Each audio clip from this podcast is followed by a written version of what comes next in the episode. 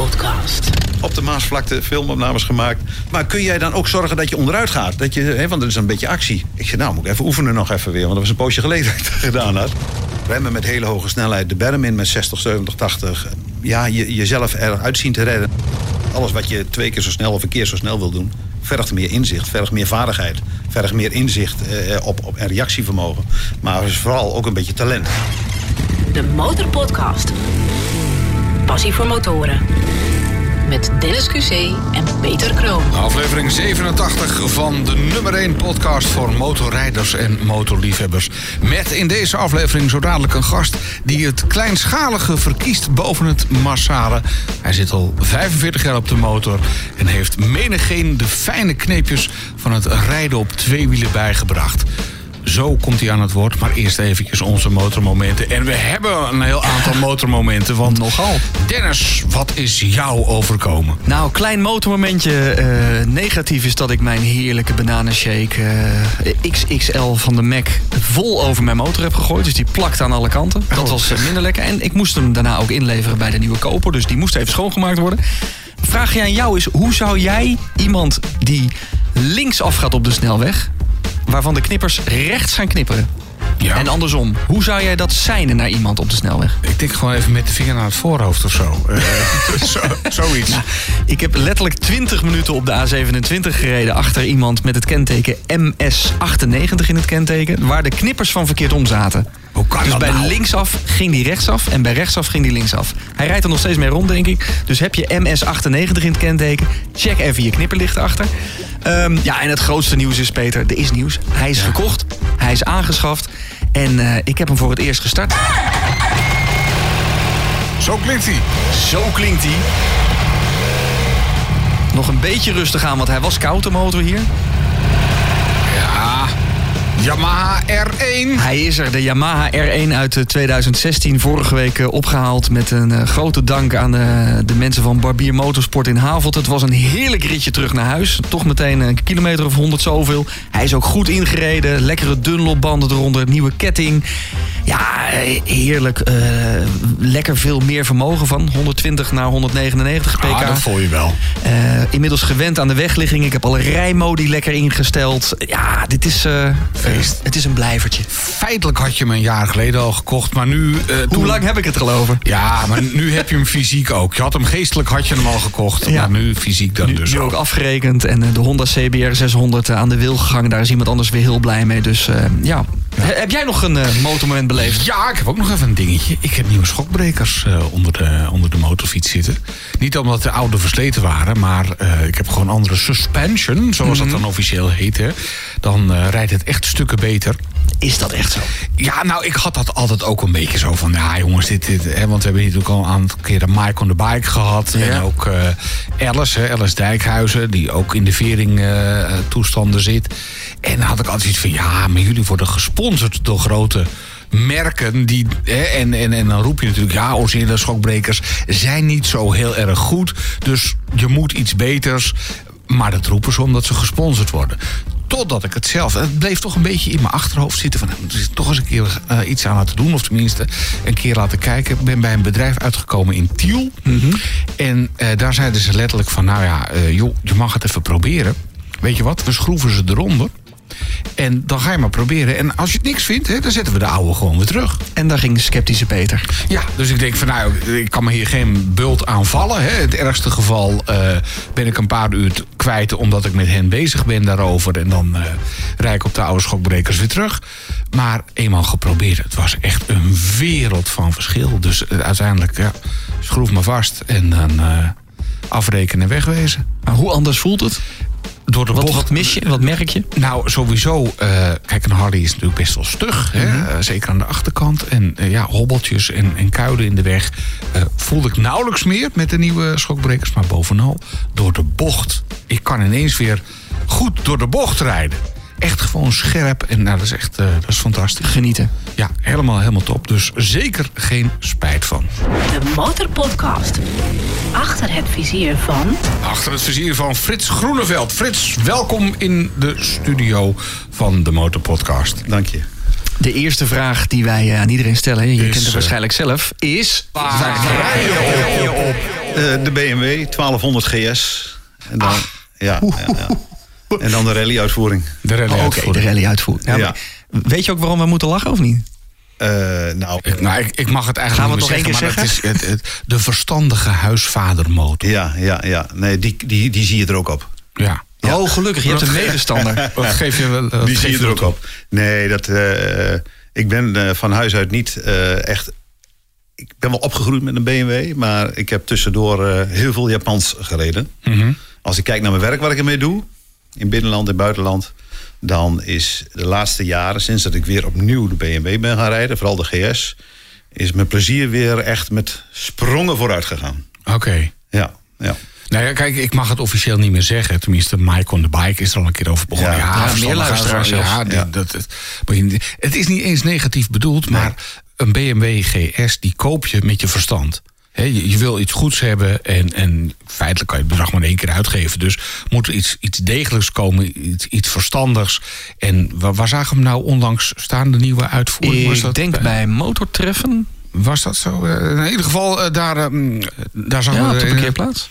eh, nee, maar een triple black, een nieuwe uit de doos. Oh, ehm, En toen zei ik ook tegen, nog tegen jou van... hé, hey, een nieuwe BMW GS. die- dat hij, zal ziet, op de motorbeurs zijn hij geweest. ziet er toch wel mooi uit. Als ik kijk zo door de jaren heen, eh, ik ben wel opgegroeid met, met BMW, maar steeds weer afgestapt in verband met de problemen.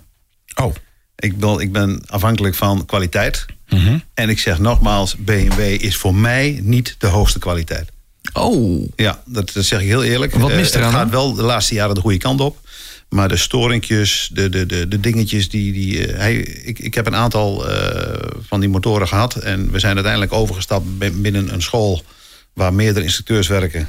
Mhm. naar een motor die betrouwbaar is. En als ik echt zeg, voor mij in al die jaren... de meest betrouwbare motor is altijd nog de Pan-European 1100 geweest. maar je zegt ik heb een eh rijschool. Vo- Voordat we daarover Ja, beginnen. ja, ja. Waar is ooit bij jou...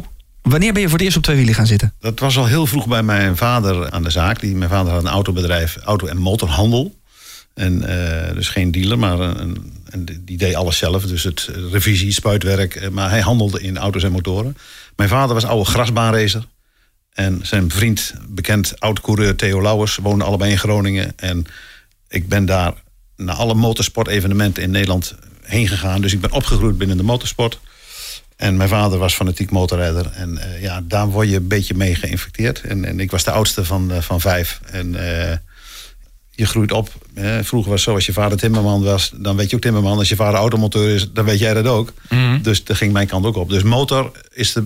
en de techniek is er bij mij wel ingegoten. En heel vroeg al eh, ja, brommers en motoren. Laat me raden, dan reed jij waarschijnlijk ook al motor... voordat je überhaupt een motorrijbewijs had, officieel, denk Ja, ik? ja. ik, ik- dat, dat, dat klopt, ja. Eh, dat kon in die tijd ook nog wel. Ik weet nog goed dat het een, een, een, een, eh, een 100 cc Kreitler was... had mijn vader uit Duitsland meegenomen. En eh, daar ben ik op begonnen. Dus dit geluid... eh, Ja. Ja, het mag nog wel iets meer hebben, maar dat lijkt er wel op, ja. ja, ja, de- deze staat achter je. Ja, ja daar, daar is het wel op begonnen, ja. Ja. zeker. En toen? eh, eenmaal de, de, de Kreitler met 100 cc. Ja. Ja. dat is de officiële motor die nu achter je staat. Die zit ook op motorkenteken. Omdat er een, eh, een grotere cilinder op zit. Precies, maar precies. die werden in Nederland aanvankelijk verkocht als brommer. Ja, ja, ja. Dus eh, Nee, ik, ik, het, het is uiteindelijk wel eh, eh, even brommen gebleven. En eh, ja, opleidingen gedaan. En, maar mijn vader die haalde ook wel eens andere motoren. En daar probeerde ik nog wel eens een keer eh, eh, wat mee. Maar als je een keer een, een, een- zijn eigen motor, een Lavetta, van de standaard af wil halen en die valt om. Ja. Dan, dan voel ik zijn klomp nog in mijn bilnaad. En eh, dus die, dat mocht ik nooit meer doen. nee, dat is, eh, dat is duidelijk. ja. Wat, wat was ooit je eigen eerste motor, je officiële? Eh, een Honda 400. Als eerste? Ja, ja, ja. met zo'n 4-in-1 uitlaatje eronder. En eh, dat was eigenlijk de eerste. Eigenlijk ben ik al heel snel, eh omdat ik eh, bij Defensie terecht kwam, was het allemaal Defensiemotoren. Dus dan had ik privé zelf niet zoveel meer. Het was hele Ja. dagen rijden. Wat deed je bij Defensie dan? Ik ben eigenlijk al heel jong begonnen bij, om te proberen bij de, bij de hoogste opleiding van Defensie te komen. En dat is eigenlijk de Marge in Apeldoorn, de KMAR, eh, de Koninklijke Het opleidingscentrum in Apeldoorn. Maar daar kwam je niet maar zo terecht. Dus je moest wel solliciteren bij Defensie om bij de landmacht eerst instructeur te worden. Vroeger heette dat ROIM, rij- en onderhoudsinstructeur militaire motorvoertuigen. Dus, eh, maar je moest alle categorieën eerst halen qua auto, bestel, vrachtwagen, bus. En als je één keer gelegend ergens was, dan mocht je pas motor gaan doen. En eh, nou, mijn streven was om in Apeldoorn terecht te komen, want daar zat, zoals toen bekend, de, hoogste opleiding qua motor. En ik had begrepen dat ze de beroepsmensen langzamerhand gingen afvloeien en dat er technisch specialisten in dienst werden genomen. Dus dan heb je een contract van zes jaar. Dus daar heb ik op gesolliciteerd. En eh, wel even een paar keer afgewezen. Want mijn vooropleiding was te laag. Dus uiteindelijk eh, nog een keer, nog een keer, nog een keer. En uiteindelijk hebben ze gezegd van nou, Doe maar. Eh, we sturen je erheen, maar hou ons bij. We willen weten hoe het gaat. En, eh, want het is een, een bijna een jaaropleiding met twee avonden in de week studie. Dus best een flinke opleiding. En, eh, maar ik had, dat was voor mij wel een hele motivatie dat, het, dat ik toch maar wat echt ging leren. En in Eindhoven bij de RTS, dus de rijopleiding voor rijinstructeurs. En ja, toen ik één keer instructeur was, was ik net 21. De Motorpodcast. Gratis in je favoriete podcast-app. En, en wat maakt een instructeur bij Defensie dan een, anders dan een normale instructeur? Wat leer je daar voor speciale dingen? Nou, kijk, het verschil al is dat in de burgermaatschappij een, een rijinstructeursopleiding is eh, voor 80% theoretisch. En daar gaan we het misschien nog wel even over hebben, maar dat, dat, dat is een heel interessant verhaal. En bij Defensie leer je echt met alle voertuigen omgaan, krijg je echt rijles. En dan moet je een aantal maanden instructie geven en, en eh, op alle niveaus. En zelf op een hoog niveau rijden. En, maar je moet het ook over kunnen brengen. Dus eh, je wordt echt geleerd van hoe ga je individueel met mensen om. En wie leer je op welke manier wat. Geef even een heel concreet voorbeeld. Want als ik aan defensie denk, dan denk ik aan groene voertuigen die heel af en toe hier in de buurt nog wel eens rondrijden. Maar Ja. groene motoren zien we nooit meer. Nee, nee, Nee. Die, nee die, zie je, die zie je niet meer. Maar dat, eh, vroeger waren ze inderdaad groen. Eh, nu zie je wat meer ja, de Magicé kleuren, hè, die, die motoren. Want de Magicé opleidingscentrum in Apeldoorn had zelf geen instructeurs. Die hebben vanaf de jaren 60 een onderdeel van de landmacht ingehuurd... om de opleidingen te verzorgen. Ja, ja. Dus wij waren als enige groene binnen alle blauwe. Nou, dat beide een beetje, dus langzamerhand werd dat ook wel blauw. Maar dat had, die had een specifiek opleidingscentrum als in Apeldoorn. Ja. Dus je zei net al, hè, militair of- moet je veel meer in de praktijk. Eh, eh, denk ik dan ook aan meer off-road? Of tenminste ja. bijna oorlogssituaties die dan nagedaan worden en, en op de motor moeten nou rijden ja, of zo? de- de- het, het, eh, ik heb het zelf al, sinds dat ik instructeur was daar, mocht ik de eerste half jaar al zelf helemaal niks doen. Ik mocht alleen maar meekijken, luisteren en mezelf ontwikkelen op een hoger niveau. Daarna mocht je pas les gaan geven. En dat zijn dan mensen die zitten al bij de brigade in Nederland eh, als motorordonnans of bij de politie op de motor. En die kwamen bij ons twee weken voor een voortgezette rijopleiding. Dat betekent een dag of twee motorbeheersing, een dag of twee inhalen, een dag of twee terreinrijden, een dag of twee zo snel mogelijk daarheen en daarheen. Eh, staatsautobegeleiding, de, de gekste dingen werden gedaan. Maar je kreeg gewoon twee weken de tijd om iemand die al motor reed, een beroepsmotorrijder, op een hoger niveau te krijgen. Dat is wel heel grondig. Dat was Terwijl heel het al een beroepsrijder is. Ja, dat is allemaal heel structureel werd het vastgelegd. Maar je snapte, in die tijd eh, hielden we ons niet altijd aan de ritopdrachten. En, Maar- en, en wat, wat mist zo'n zo, zo'n rijder die eigenlijk al heel goed is? Wat brengt hem dan nog net op een nog iets hoger niveau? En wat is dat dan, dat hogere niveau? Eh, ik denk eh eh, rijtechnisch, inzichtelijk en, en in de beheersing... alles veel meer beheersen, omdat je snelheid vaak hoger is. Alles wat je twee keer zo snel of een keer zo snel wil doen... vergt meer inzicht, vergt meer vaardigheid... vergt meer inzicht eh, op, op, en reactievermogen. Maar vooral ook een beetje talent. Want dat... dat eh, op het moment ergens stopt dat talent... dan zeg ook, met jou kan ik niet verder. Ja. Maar hier kan ik nog wel verder mee. En eh, er zijn ook beroepsmensen die herhalen alleen maar om op het niveau te blijven. Maar er zijn er ook bij die groeien door eh, naar zo'n niveau dat je denkt van hé, hey, die heeft, en dan heb ik het niet over snelheid, maar over de contro- volledige controle van elke meter die je rijdt. de bijzondere verrichtingen, maar dan niet met 50 kilometer om een obstakel heen, maar 150. Ja, ja, en remmen met hele hoge snelheid, de berm in met 60, 70, 80.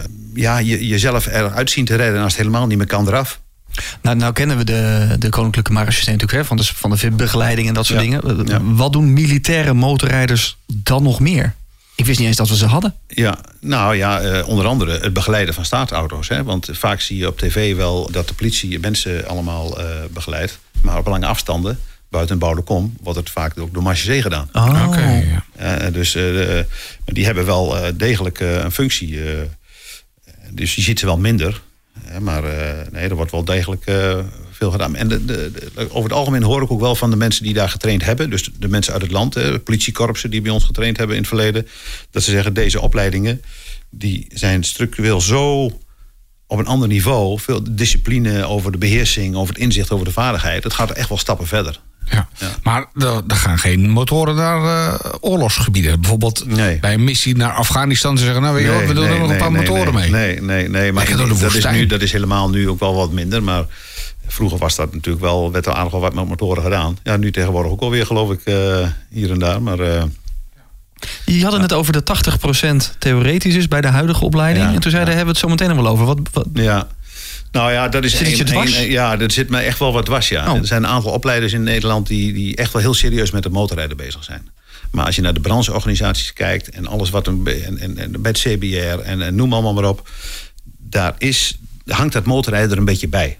Is maar een heel klein onderdeel eigenlijk van alle opleidingen binnen het CBR-examencentrum of, of eh, de grote verkeersscholen. Het hangt erbij. Als we het niveau zien, landelijk hoor, het niveau zien van eh, welke mensen het rijbewijs halen, dan, dan eh, is gewoon huilen. maar Dus- iedereen moet toch door die test heen? Ja, maar het niveau wat je moet halen, wat je moet hebben om bij het CBR te slagen voor de bijzondere verrichtingen en voor het rijden, is echt minimaal. Dat weet elke motoropleider, dat weet elke opleider in Nederland. En dat weet ook elke examinator. Maar ze zeggen toch altijd, je gaat pas motorrijden leren op het moment dat je het hebt. En dat je, dat je het rijbewijs hebt. En dat je dan eens eens een jaar alle seizoenen hebt gehad. Ja, Eh, ja, ja. Dan pas kun je zeggen van nou, hè. Ja, maar dan leer je dus in de praktijk, waar mensen geen bochtentechniek leren in de, in de lessen. En waar mensen geen uitwijkmanoeuvres leren in de praktijk. Ja, met, op een parkeerplaatsje. Ja. Maar bochtentechniek eh, inhalen heeft nog nooit iemand geleerd met een rijbeleiding. Nee. En dat is onder andere een heel belangrijk, belangrijk onderdeel. Dus jij zegt eigenlijk zouden er andere speciale verrichtingen Ja. moeten komen. Het is niet zo dat jij het achtje nog strenger wilt maken. Nee, zeker Nog niet. kleiner. Nee, nee, nee, nee, nee. nee. De, er zijn al, de- de- dit zijn best een aantal praktijkgerichte oefeningen met Ja. het CBR. Dat is prima. Er is niks mis mee.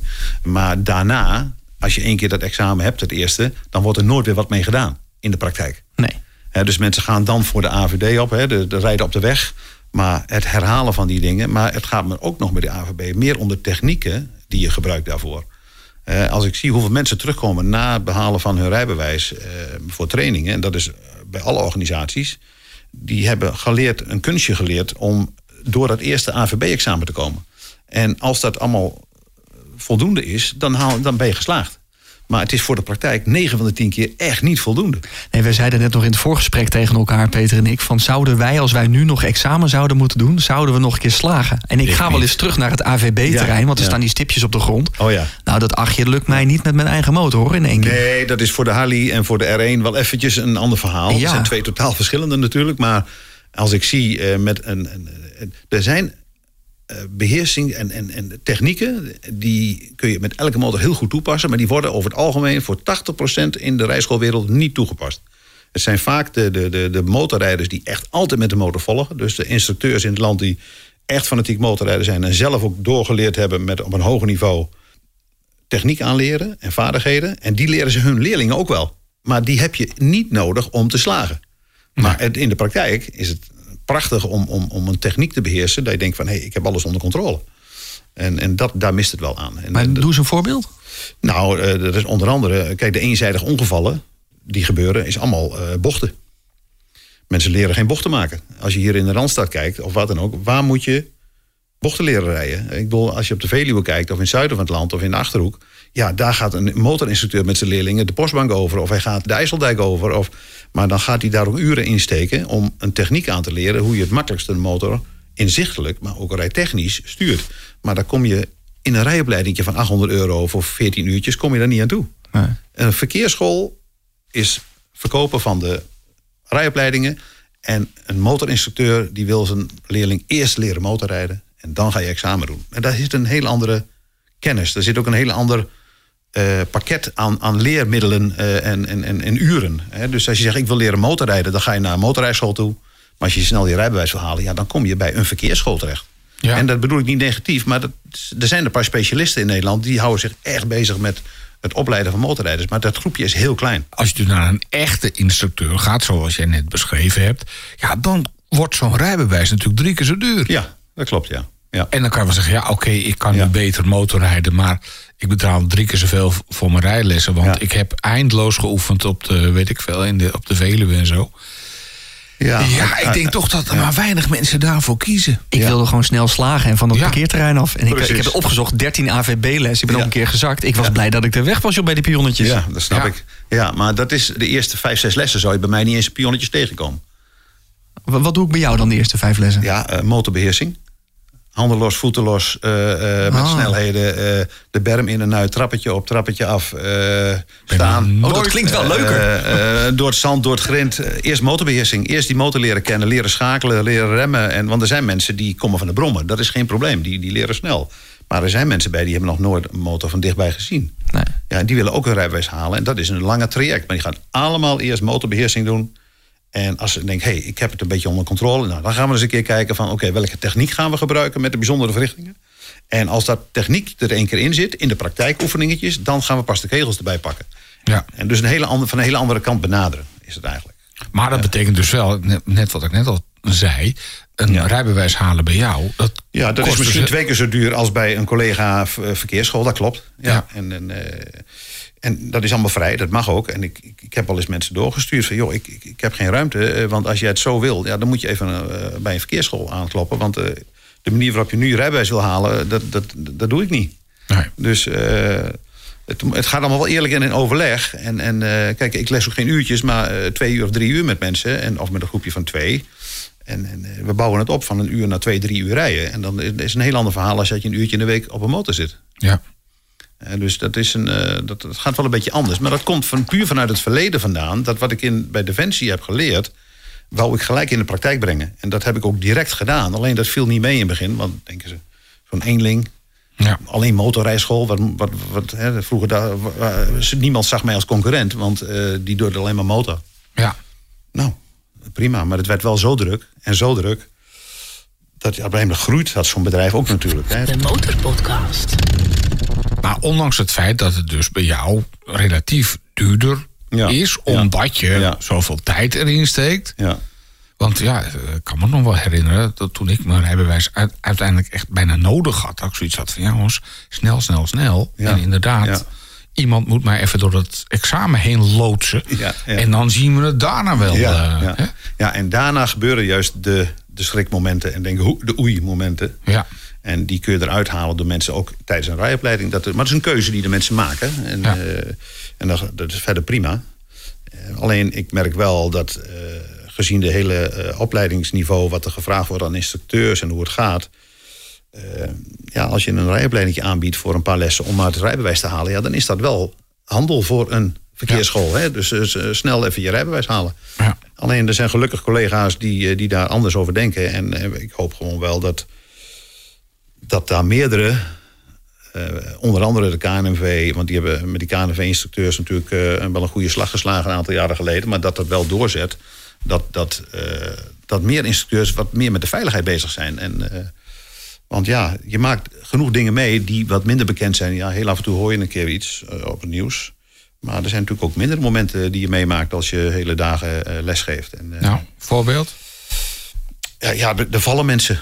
Ja. Dat is niet zo moeilijk. Dat is bij iedere rijschool zo. En in de opleidingswereld helemaal. Eh, Als je kijkt bij de voortgezette rijopleidingen, op circuit of noem maar op. Alle opleidingen er zijn, er gebeurt altijd wel wat. Kijk, als je eh, een, tussen de 30 en de 50.000 kilometer per jaar opleidingen doet... dan zitten daar eh, momenten tussen die zijn over het algemeen prima. Als ik nu naar die, naar die ja, eh, 45, 43 jaar motorinstructeur denk... oké, er waren wel twee momenten bij die zijn zo memorabel... dat ik denk van daar sta ik elk jaar bij stil. Want dat zijn twee mensen die he- hebben, zijn overleden. ja. Ja, dat zijn... eh, en dat, Leerlingen van jou. eh, ja, één leerling en een cursist een keer. Maar toch niet tijdens de Ja. opleiding? Ja. Tij- Tijdens de Oh, opleiding. En dat gebeurt in Nederland niet één keer. Ik bedoel, ik bedoel niet, het gaat nu dan niet helemaal negatief trekken. Nee. Maar er gebeuren dingen in de, in de praktijk, in de, in, in, tijdens het rijden, maar ook in een opleiding. En, eh, ja, daar slaap je even drie maanden niet van. Nee, dat waren het. Zeg Ja, maar, want- maar wil, Ja. wil je vertellen wat er is gebeurd? Nou ja, dat, dat, dat wil ik wel vertellen. Ik kan dat ook eh, goed vertellen nu. Ik, ik weet de datum nog en de tijdstip. Eh, 5 augustus, 5 over half tien op een mooie zomeravond. Ja, die jongen had 3, 24 lessen gehad. Zou twee weken later examen doen. En we hadden nog gelest anderhalf uur. En we gaan lekker naar huis. Dus ik draai eh, in Apeldoorn, het buitengebied. eh, ik zei, joh, rij maar lekker achter me aan. Dus ik draai naar een voorrangsweg toe. En achteraf zo gelukkig dat er getuigen bij waren. Maar we reden heel rustig door een bochtje heen. En ik kom aan het einde bij de voorrangsweg uit. En ik kijk in mijn spiegels denk, hé, hij is weg. Ja. En eh, nou, ik zie wel, ik draai om en ik zie de motor liggen. En eh, ja, alles proberen te redden. Maar eh, ja, noodhulp erbij. Maar het was te laat. Fronta Frontaal op een lantaarnpaal. Eenzijdig ongeval dus. Eenzijdig ongeval. Wat gaat er dan door je heen? Ja, dat is, is gewoon niet te beschrijven. Dat is gewoon, eh, kijk, als je iemand al 23 uur bij je bouwt ook een relatie met mensen Ja. op, hè, in, Ja. in- met lessen. Als je heel intensief met mensen leest. Dus daar heb ik wel eh, drie maanden niet van geslapen, ja. Ja, dat kan Ja, me wel en- voorstellen. En met familie en eh, gesprekken. En daar ga je wel doen. En er zijn collega's in het land die hebben dat onlangs ook meegemaakt. En ik eh, benijd ze niet, maar het is echt een, is niet fijn. Aan de andere kant zeg je altijd weer van... ja, wat haal je daar dan uit? Het, het sterkt je nog meer om... het klinkt heel gek om daarmee bezig te blijven. En juist mensen het te leren, omdat je zo kwetsbaar bent. Niet getwijfeld om te stoppen? Nee, nooit, geen moment. Geen moment. Eh, wel gedacht van, hoe, hoe had je dit kunnen voorkomen? Had je, Ja, want- hè, want daar, daar, daar denk je gelijk aan, hoe, hè, wat is hier gebeurd? Ja, want eh, eh, Ja. zomaar op een lantaarnpaal. Want, ja, Ja, dat, nee, dat, dat is een hele vlak, in, in, een flauwe bocht en, en, en zo frontaal dat je denkt van... hoe kan een vellig in de lengterichting doorsplijten? Nou, dat kan. Achteraf eh, eh, wel wat gesprekken gehad met familie en, en vooral de begeleiding met, met, vanuit de politiekant en zo. Maar het is allemaal heel triest. Maar daar denk je altijd nog aan. Elk jaar weer. En, en nu dan ook, omdat het even te sprake komt. En En je rijdt nog wel eens op diezelfde plek, denk ik. eh, daar kom ik, eh, nou, ik denk wel drie, vier keer in de week. Ja. Ja, ja, ja. En dat is, dat is alleen maar goed hoor. En vanaf het begin af aan er wel met collega's over gesproken. En, eh, maar de- je moet dat in het begin wel zelf eh, wel verwerken. Ik bedoel, dat Ja. is, eh, maar dat is, het motorrijden is gewoon, je bent gewoon kwetsbaar. Mhm. Als ik kijk naar, naar parachutespringen, diepzeeduiken of de gekste ski, eh, jongens, het, het, het valt onder een. Het, het is een extreme sport gewoon. Ik bedoel, als je kijkt naar om je, in je omgeving, van de laatste jaren vooral, als je nu naar, op de weg kijkt, waar je op moet letten allemaal. En, en het is wat anders als eh, toen ik begon met rijden. En, maar daar moet je de mensen ook in op, op gaan leiden. Maar het is gewoon. Het is wel een extreme. eh, als, je dat, als je niet goed je ruimtes gebruikt, dan, dan ben je continu kwetsbaar. Maar als je nu om je heen kijkt op de weg en je ziet andere motorrijders hun gedrag vertonen, wat, wat valt je op? Eh, het valt me op dat ze heel neutraal bijna allemaal geleerd zijn om gewoon op het midden van de weg te rijden. Nou, als je ergens niet moet komen, is op het midden van je rijstrook. Dat is de meest gevaarlijke plek. Ik heb het ook geleerd. Ja. Je rijdt of op de linkerkant of op de rechterkant. Nooit in het midden van je rijstrook. Dan ben je altijd in de dode hoek van een auto. Tegenliggers zie je niet. Eh, je, je moet in de spoorvorming eigenlijk rijden waar de wiel... Spoorvorming, maar in ieder geval de plekken waar een wiel rijdt... daar moet je rijden. Alle rotzooi wordt aan de buitenkant of op het midden neergereden. In het midden van de rijstrook zie ik heel veel mensen.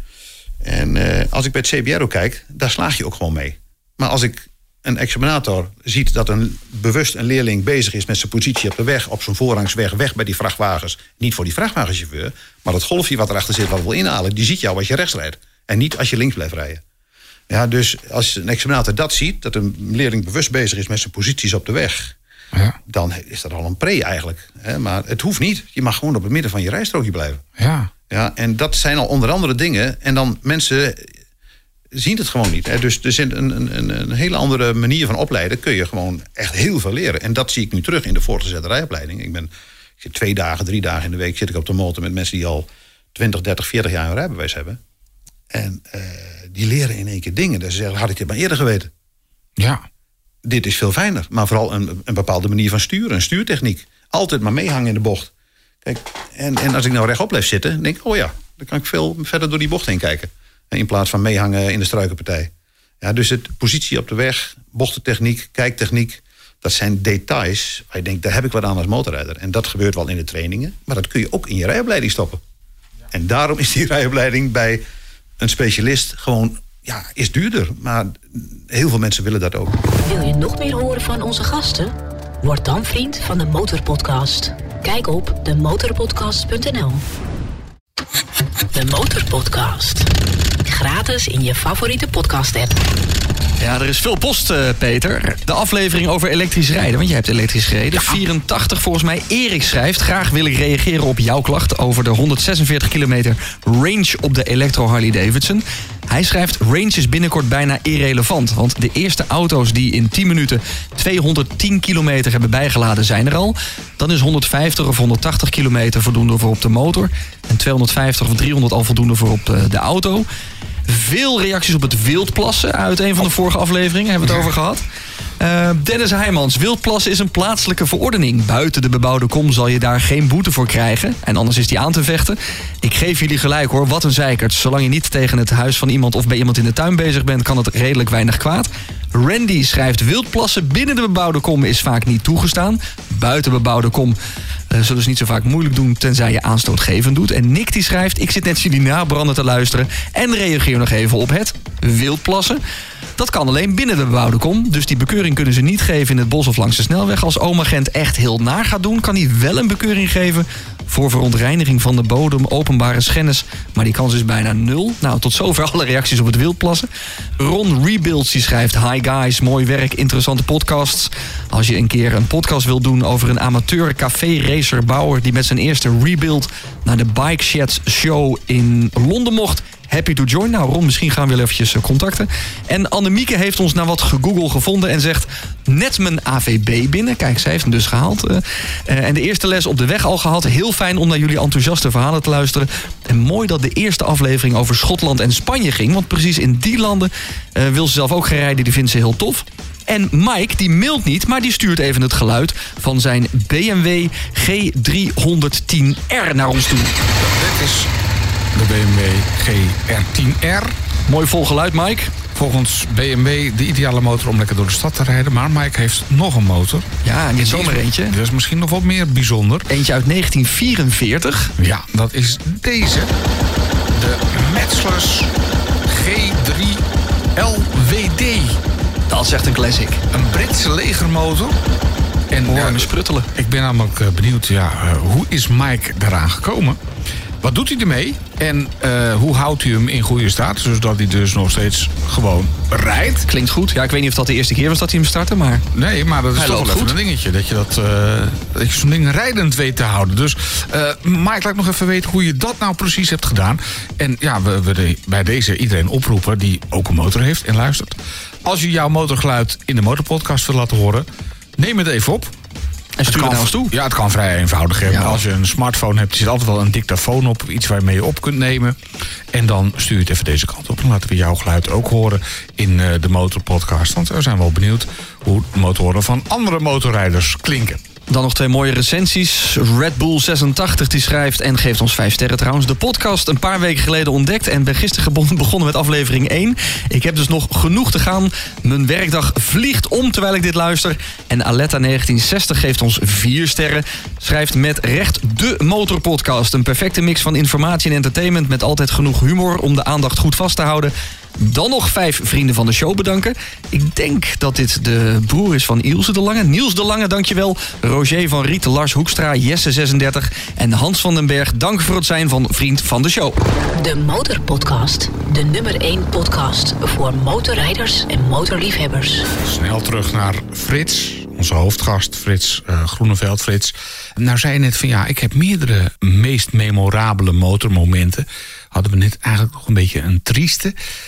Ik hoop dat je ook nog echt, echt mooie motormomenten hebt ja, waar ja, je op ja. terugkijkt. Of, Ja, uh, ja. ja zeker. En, uh, ik, ik, toevallig afgelopen weekend uh, ging ik uit eten in Deventer. En ik kwam langs een, een, een, een op het plein in Deventer, bij de Waag, en, op de Brink. En ja, een vriend van mij die werkte daar in horeca. En, en was, ja, toen was het een discotheek, hè. Mm -hmm. En die zorgde dat iedere twee weken... s'nachts om twee uur een speciale act was. Mm. Hij leste nog bij mij. Hij zei, Frits, ik mis over twee weken eigenlijk een hele goede act. Heb jij een idee? Ik zei, joh, ik kom met de motor het podium opjagen... en ik, ik zing even twee nummers en ik ga weer. Oh, je kunt ook zingen? Ja, ik, ik ben ook zanger. En, oh, okay. uh, dus ik, uh, ik, hij, hij zegt, dat gaan we doen. Ik denk, oh, ik, ik bedoel het eigenlijk als een geintje. Hij zegt, Frits, maar ik meen het serieus. okay. Hij zegt, hoe gaan we dat doen? Dus ik naar Safe Motors Apeldoorn. Ik zeg, ik heb een Amerikaanse shopper geregeld... En uh, ik had me onder de plaktattoes uh, gezet, uh, een mouwloos hemdje aan en ik had een danseres geregeld. en wij gingen naar de wagen s'nachts en, hadden we, en we moesten een keer oefenen ja. de avond ervoor. Want anders, ik moest namelijk een podium op met een Shadow 1100, helemaal in Amerikaanse stijl. Ja, dat is wel even eh, maar dat podium, dat was hoog. En we gaan op de oefenavond, breekt dus het oliefilterhuis af. Oh, Alle olie over het podium. Dus die jongen die er werkte, alle rollen wc-papier die er waren, eroverheen gegooid. Motor terug naar een reparateur, gelast. Want de volgende dag moest hij wel het podium op. Ja. Allemaal gelukt. Maar goed, op de avond zelf, danseres geregeld, met hotpants aan. Staat bij mij achterop, op het plein. En s'nachts om twee uur. dat is een beetje dit idee. Nou, daar lijkt hij een beetje, daar lijkt hij een beetje op. Ja. ja. En dan het podium op. Ja, en dan moest ik eh, door die discotheek heen, waar ook wat staantafels waren. Dus dat helemaal vol, dus mensen allemaal aan de kant. En ik moest dat podium op. En, eh, en op dat podium moest ik een lage, lange motor, zo'n eh, zo'n zo'n Shadow 1100. En een beetje keren, manoeuvreren. En we zouden twee nummers zingen. Born to be Wild en Wild Thing. Nou, dat, en zij oh, daarop dansen, dus de, de karaoke aan. Dus ik zong die twee nummers zittend op de motor. Ongeschoren, een weekje niet geschoren. Tattoos opgeplakt. En die twee nummers gezongen. En eh, weer de podium af en de plein weer op. En op Deventer op het plein op dan weer rondgereden. En het waren prachtige acties om dat eens even te doen. En, maar dat zijn van die dingen die je in één keer denkt... oh, dat ga ik doen. En dat was gewoon geweldig. Ik speelde toevallig in een band in die tijd. Dus ik, ik zong wat, eh wat, wat in die nummers. Dus eh, dat scheelt wel. Nou, we Dus, hebben eh, binnenkort ook een feestje. Ben je nog te eh, boeken? nee, maar serieus. Ja, is, eh, de- maar dat de- zijn memorabele momenten. En natuurlijk, als je door de jaren heen heel veel doet. eh, ik heb de Elfsteden toch gereden. Ja. Eh, omdat ik eh, de Elfsteden van 97, de laatste. En toen dacht ik, ik heb niet zoveel werk. Ik bel de hoofdredacteur van Wegener op. Ik zeg, als je een goede fotograaf of een reporter mee wil hebben... ik zeg, ik ga op de motor. En ik zeg, ik zet hem bij mij achterop. En ik zeg, hij komt overal. En hij zei, nou, nou, daar moet ik even over nadenken. Dus hij belde me 's morgens op de volgende dag. Hij zegt, ik ga met je mee. En eh, pak geregeld, helm geregeld. dus wij naar Leeuwarden toe. En eh, daar s morgens vroeg al zijn. En heb ik met hem eerst, eh, hij als fotograaf en verslaggever... dus niet op het ijs, maar gewoon alle plaatsen aangedaan. En eerst met de wedstrijdrijders mee. En later nog een keer helemaal rond. Als je met een Pan-European met dat weer... bij het bruggetje van Bartelheim kan komen... Ja. Nou, dan zeggen ze, dan kun je een beetje motorrijden. Ik zeg, nou, ik ben er geweest. Want dat is midden in de weilanden. eh, Ja. eh, nou, dat, dat- dus dat zijn van die momenten, die doe je gewoon heel spontaan. Ja. Nou, dat zijn gewoon geweldige plekken. Eh, en dan, dan, dan heb je zulke momenten dat je denkt van... Dat maakt het ook leuk. Buiten de rijschool om dat je, en buiten de trainingen om... dat je denkt, ik doe ook even leuke dingen. Ik word gebeld door een filmproducent van... we hebben twee hoofdrolspelers in een film... maar die hebben allebei geen rijbewijs... maar die moeten motorrijden. In die Oh. film. Die mag alleen als er een instructeur bij is met lesplaatjes. Nou, die had ik in de binnenzak gedaan, maar ik was er erbij. Ducati Benelux had de motoren geregeld. Filmopname een week lang in Rotterdam. En ik moest bij die jongens blijven, want dan, was, dan waren ze was het officieel, ja. Ja, was het officieel waren ze was verzekerd. het officieel een les tussen Ja. haakjes. Maar, en de derde of de vierde dag is een van die spelers ziek. Maar daar wouden we opnames zouden gemaakt worden op de Maasvlakte. Terwijl ze twee wedstrijden met elkaar deden. Dat oude... Ja. Hij zegt, Frits, jij hebt hetzelfde postuur. Doe zijn kleren aan. en dan kun jij wel even meedoen. Een stunt En, double. maar, ja, maar kun jij dan ook zorgen dat je onderuit gaat? Dat je, hè, want dat is een beetje actie. Ik zei, nou moet ik even oefenen nog even weer. Want dat was een poosje geleden dat ik dat gedaan had. Dus op de Maasvlakte filmopnames gemaakt. Spul van die jongen aan. Nou, eh, dus waar wel die, eh die, die Ducati-dealer gebeld van... Joh, We rijden er even één in we rijden er elkaar even een beetje, je. die glijdt een beetje. En, eh, maar zo gezegd, zo gedaan. Allemaal dat zijn dingen die blijven je altijd wel bij. En eh, dan ga je dus een week of twee weken met zo'n filmcrew op pad. Om alleen maar dat je er als instructeur bij moet zijn. Maar buiten de opnames ging natuurlijk met die jongens rijden. Hè? Ja. En in welke film kunnen we jou bewonderen? Dat is een B-film. Oh. En ik weet dat die heette Duizend Paarden of zo. Ah, wat kan jou het schelen, joh, weet te zien. Het was toch leuk? Ja, leuk. Dat zijn- Fantastisch. dat Even zijn- Ducati in elkaar rijden. Voor... prachtige, prachtige momenten. En, en eh, dat varieert dan van de Elfstedentocht tot, tot Ja. dit soort dingetjes.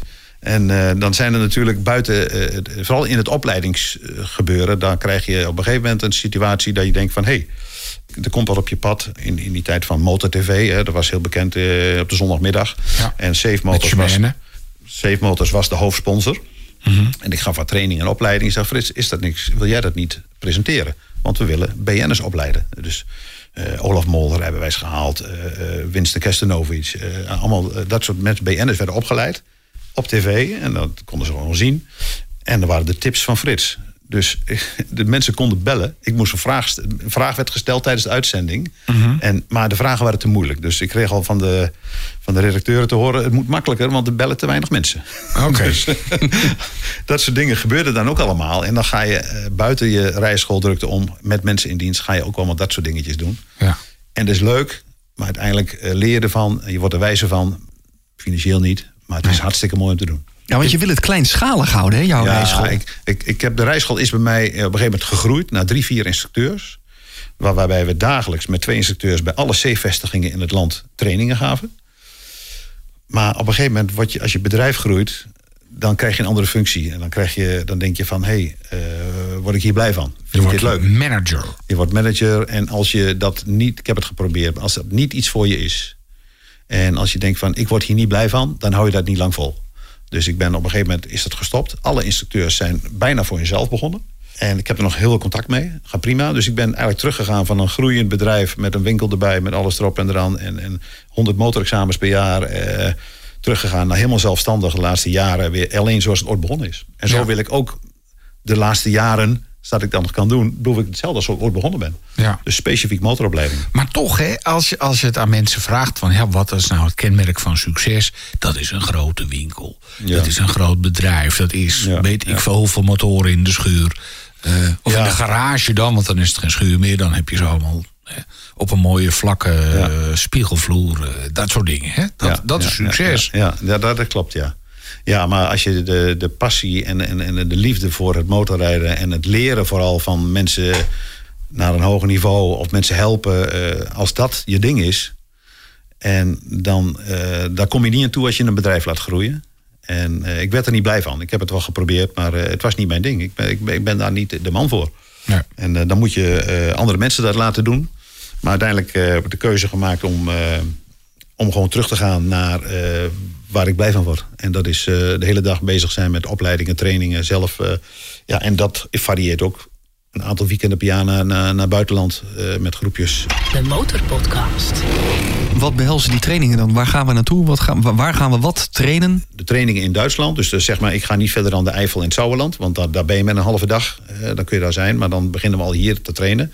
En dan ben ik tussen de middag op de plek van bestemming. Maar dat zijn, is 90% bochtentechniek. En eh, dat varieert van mensen die zeggen van ik wil gewoon toeren. Maar er zijn ook mensen die rijden wat sportiever. En er zijn mensen die rijden supersport. Dus op alle niveaus kun je daar de technieken en de inzichten, eh, vooral de, de rijtechniek en de bochtentechniek en de kijktechniek heel goed eh, eh, blijven oefenen. Omdat je daar urenlang kunt rijden eh, zonder dat je een weggetje van links of rechts hebt of dat je weer een verkeersdrempeltje hebt. Of, En dan rijden we in, in- zou je in kleine groepjes rijden? ja, ik, ik, ik ga drie dagen met maximaal zes man.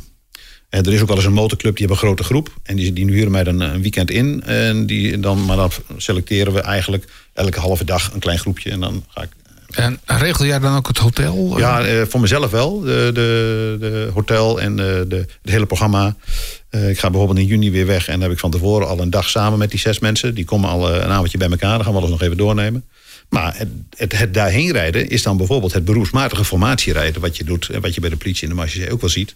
Dat formatierijden, dat is best een hele mooie training. Ja, dat is prachtig. Daar hebben wij heel en- vaak over. Ja. Ja, en dat is, als je dat eh, eh, goed doet, dan vindt iedereen het geweldig om snel weg te rijden. Maar dat gaat het niet om snelheid, maar de formatie zo houden in alle omstandigheden dat je in dezelfde formatie kunt blijven rijden. Vind ik een beetje motorballet.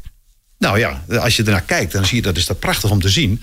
En, eh, maar het, het manoeuvreert ook heel fijn. En je bent met elkaar bezig. En eh, je moet de groep natuurlijk niet te groot hebben. Dan maak je twee groepjes van drie. Of vier is net iets te lang. Maar het groepjes van drie is het mooiste. Dat manoeuvreert. Dat bij de lengte van een vrachtwagen ongeveer. Dan kun je Ja. eh, makkelijk manoeuvreren. Maar dat, dat kun je leren. Daar kun je afspraken over maken. En, eh, en dan ga je ook wisselend voorop.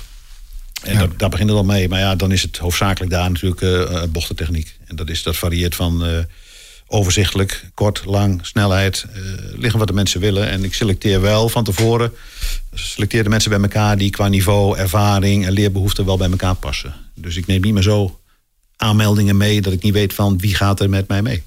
Ja. Eh, dat, dat gebeurt te veel de laatste jaren. Met, eh, want toen ik ooit daarmee begon, waren er nog maar heel weinig mensen die dit deden. En het is een beetje een wildgroei geworden aan reisorganisaties. En die allerlei opleidingen en trainingen tijdens een reis doen. En daar is niks mis mee. Maar vaak krijg je mensen bij elkaar die een heel andere behoefte hebben. Of een ander niveau. Weet je. Ja. dat is. eh, maar ja, het is wel. het is business. Nou, over die wildgroei, daar wil ik het zo nog even eh, met je over hebben. Maar we zeiden het net al, we hebben binnenkort ook een feestje en we zoeken nog een zanger. dus, eh, want wij, wij eh, doen binnenkort onze honderdste aflevering. We moeten trouwens ook nog even wat voorleggen aan onze luisteraars. Want ehm, we kunnen dus in een, in, in, in een lokale poptempel hier kunnen we terecht. Na, nadat Welen en de Red Hot Chili Peppers geweest zijn om een optreden te doen.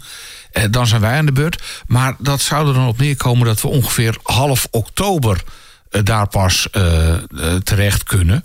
En ja, het is een beetje de vraag: wil jij als luisteraar van de Motorpodcast, eh, is half oktober, gaat dat nog qua temperatuur? Ja, want het mooie is natuurlijk dat alle luisteraars van de Motorpodcast op de motor voor Ja. de deur kunnen parkeren. Kijk, en je kan ook met de auto of met de trein komen. Het ligt vlak naast het station, maar met, met de motor is het mooist. Ja.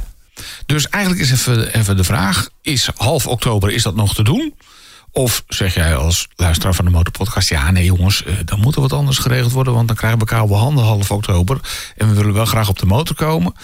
Nou ja, laat het ons even weten. We zijn er gewoon heel erg benieuwd naar. Ja, of zeg je van nou, de feestje hoeft voor mij niet. Ik hoor hem wel in de podcast app, vind ik ook goed. Maar dat kan ook. Maar we gaan in principe dus daar live... tenminste, we gaan een podcast opnemen op een podium, uiteraard. eh, drankjes erbij. eh, Speciale gasten. Het wordt gezellig. Ja. eh, motoren in de zaal zelfs. Het wordt een fijn feestje, maar het wordt dus half oktober. Tenminste, zoals het er nu uitziet.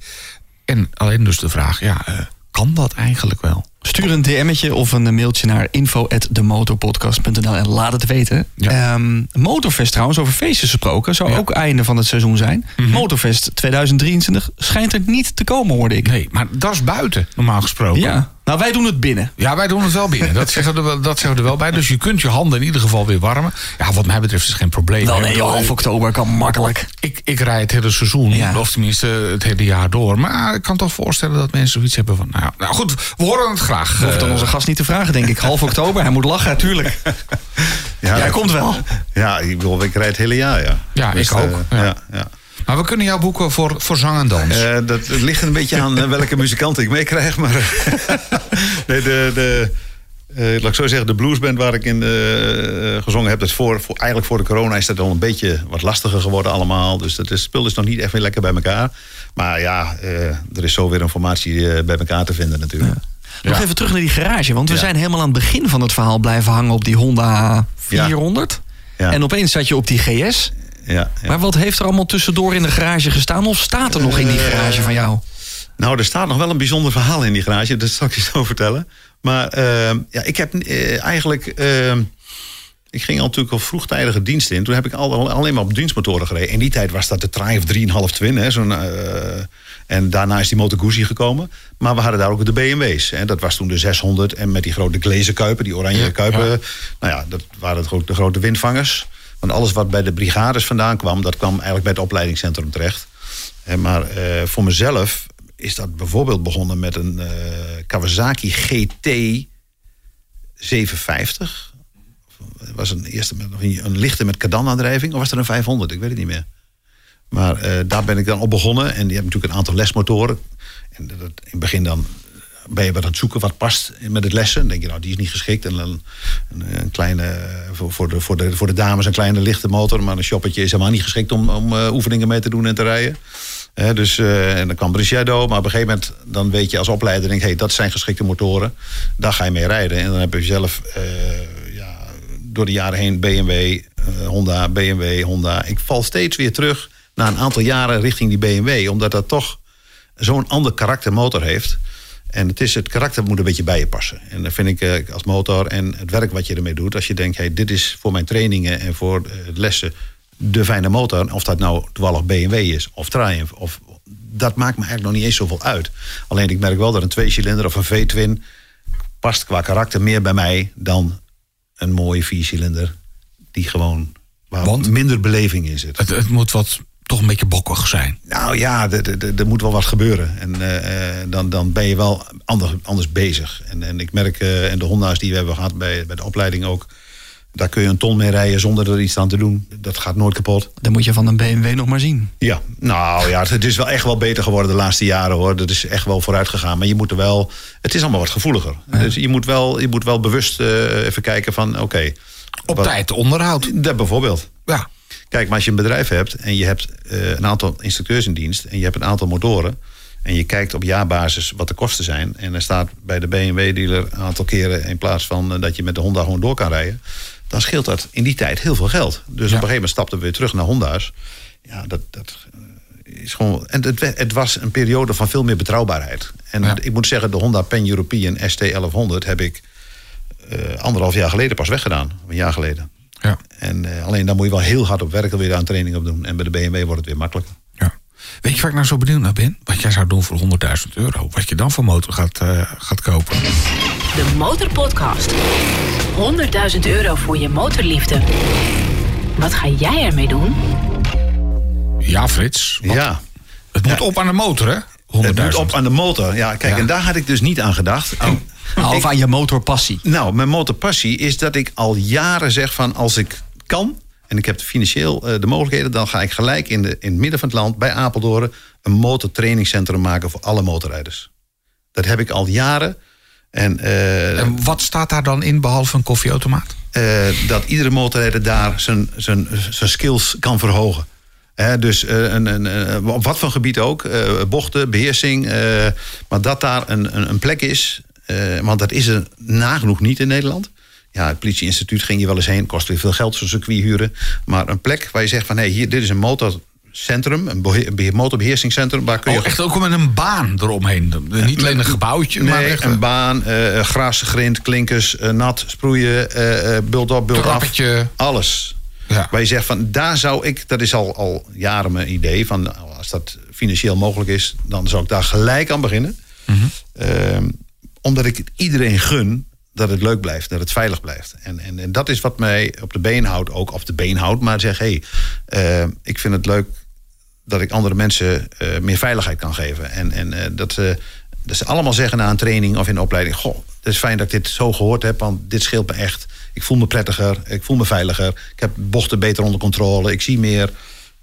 Dat, dat geeft gewoon een voldoening. Ja, want hoe, hoe streng ben jij? Ik ben namelijk heel erg bang dat als ik bij jou eh, nog even een cursusje volg... dat ik gigantisch door de man Nou, hij ziet er heel vriendelijk uit, maar... Ja, maar nee. het- als je Nee, opstapt, ik- dat je al zegt van... man, man, man, je stapt al verkeerd op. Weet je? Nee, nee, maar zo. Nee, maar je kunt het ook gewoon rustig zeggen. Alleen ik, ik meen het wel.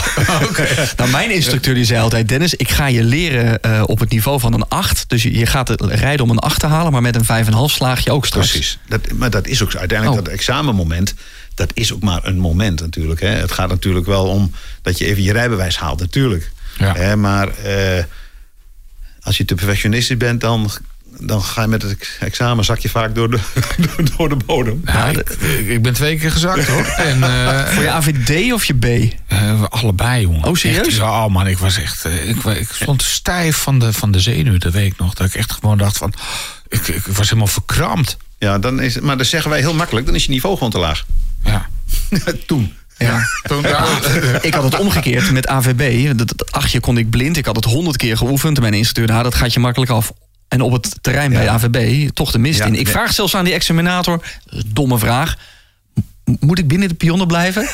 Ja. Hij zegt, je hebt toch geoefend? Ik, eh, ik, ik maak het dagelijks mee met examens. Eh, als mensen, eh, die hebben tot in de treuren geoefend en het gaat allemaal prima. Maar Ja. in- met het, het is, ook al doe je het net zoals met lessen, het is toch weer een examen. het moment. Iemand kijkt naar je om, en dan wil je het toch goed doen. Ja. En, en iedereen gaat echt een, een- qua niveau naar beneden. Dus je moet al qua oefenen, moet je al inderdaad wat je zegt, Op richting een acht 8 gaan. Ja. Hè, om voldoende te scoren met het examen. En, en dat is ook prima. Dus, eh, Ik zat een beetje in jouw recensies, althans de recensies over jouw bedrijf te bladeren. En toen zei Gerrit, eh 19 jaar geleden heb ik een eh, cursus bij jou ge- gevolgd. En die denkt nu nog aan die tips, een aanrader. Nou, tot zover de reclame. Maar doe nog even één tip voor beginnende motorrijders. Of juist voor motorrijders die denken zoals wij dat ze heel goed kunnen rijden. Dat denk ik niet van mezelf. Nou, de, de, de eerste tip, eh, dat, dat begint eigenlijk al eh, bij de kleding. Dat klinkt heel gek, maar ik ben heel fanatiek op eh, eh, zwarte helmen. Mhm. Die zijn het meest betrokken bij ongevallen. Oké. Ik heb een zwarte helm. Beroepsmotorrijders rijden met geel of met wit. Of er zit kleur in. Ja, maar dan zegt Oké. eh, Ronald Molendijk... als iedereen met geel gaat rijden, vallen we ook niet meer op. Nee, nee dat klopt. Nou, uiteindelijk gaat het wel om je, je, je- ruimtes, je afstand die je houdt Ja. en, en wat je ziet. Hè. Maar, Maar een nee, de- zwarte motor, Frits. Daar hoort Ja, toch een zwarte ja, helm Ja, en een maar soort kijk, pak? luister eens. Als jij, ja, maar dat, je kijkt er zelf niet naar. Maar je ziet hem niet eens als je hem op hebt. Nee. Hè, dus eh, een ander kijkt ernaar. toch Jij niet. zo lelijk. Ja, weet ik, ik weet het. Het is allemaal mooi. Ik vind het, dat is ook zo. Ik, bedoel, ik, ik wou dat het ook niet nodig was. Maar jij hebt Maar- een mooie witte, kijk- zie ik hier. Een Nou, blauw-witte. zit, ja, er zit toevallig, omdat ik rijd normaal altijd met wit, maar dit was de enige nieuwe van Shoei met in die kleur. En Oké. ik wou communicatie erin hebben. Dus, eh, Maar geen zwart netjes. maar gewoon even nog wat je zei, een, een, een tip voor een beginnende motorrijder is, en daar wordt te weinig aandacht aan besteed, maar echt twee seconden afstand. Ruimte, ruimte, ruimte om de fouten van jezelf en een ander op te lossen Ja. ruimte creëren. Gewoon rust en ruimte. En, en eh, ik zie te veel jonge motorrijders die te snel al richting de Alpen gaan. Of die willen daarheen. Maar ga eerst eens in je eigen land gewoon eens even kilometers maken. Ja. Dat is echt een... eh, ze willen te snel naar een hoog niveau. Ja, nou ben jij niet de enige motoropleider. Nee, Eh, zeker niet. Er zijn er heel wat. Het is een soort wildgroei. Daar gaan we het zo even over hebben in de nabrander. Ja. Want uh, blijf nog even zitten. We schenken zo even een, uh, een drankje in. Ja, er is nog veel meer om met jou te bepraten. Ja, want, uh, je, je, bent nog niet van ons af. Met 45 jaar motorpassie. Frits, uh, alvast deze vizierreiniger zet van onze gewaardeerde Kijk. sponsor handigschoonmaken.nl. Maak je binnen een paar seconden heel handig je vizier schoon en ook helemaal waterafstotend. Dank alvast voor de komst naar de studio van de Motorpodcast. Dit was dan wel weer aflevering 87. En als je die nabrander met Frits wil horen, dan moet je vriend van de show worden. Dan krijg je dus die nabranders en nog veel meer andere leuke dingen. Wil je vriend van de show worden? Dan ga je gewoon naar demotorpodcast.nl en klik je op Word Vriend. En dan horen we je straks bij de nabrander. En vind je deze podcast nou leuk? Nou, deel hem dan de eerstvolgende keer dat je gaat rijden met eh, de andere motormaten met wie je opstapt. En luister je via Spotify. Druk dan op volgen, want dan krijg je een seintje automatisch bij de volgende aflevering. De Motorpodcast. Gratis in je favoriete podcast app.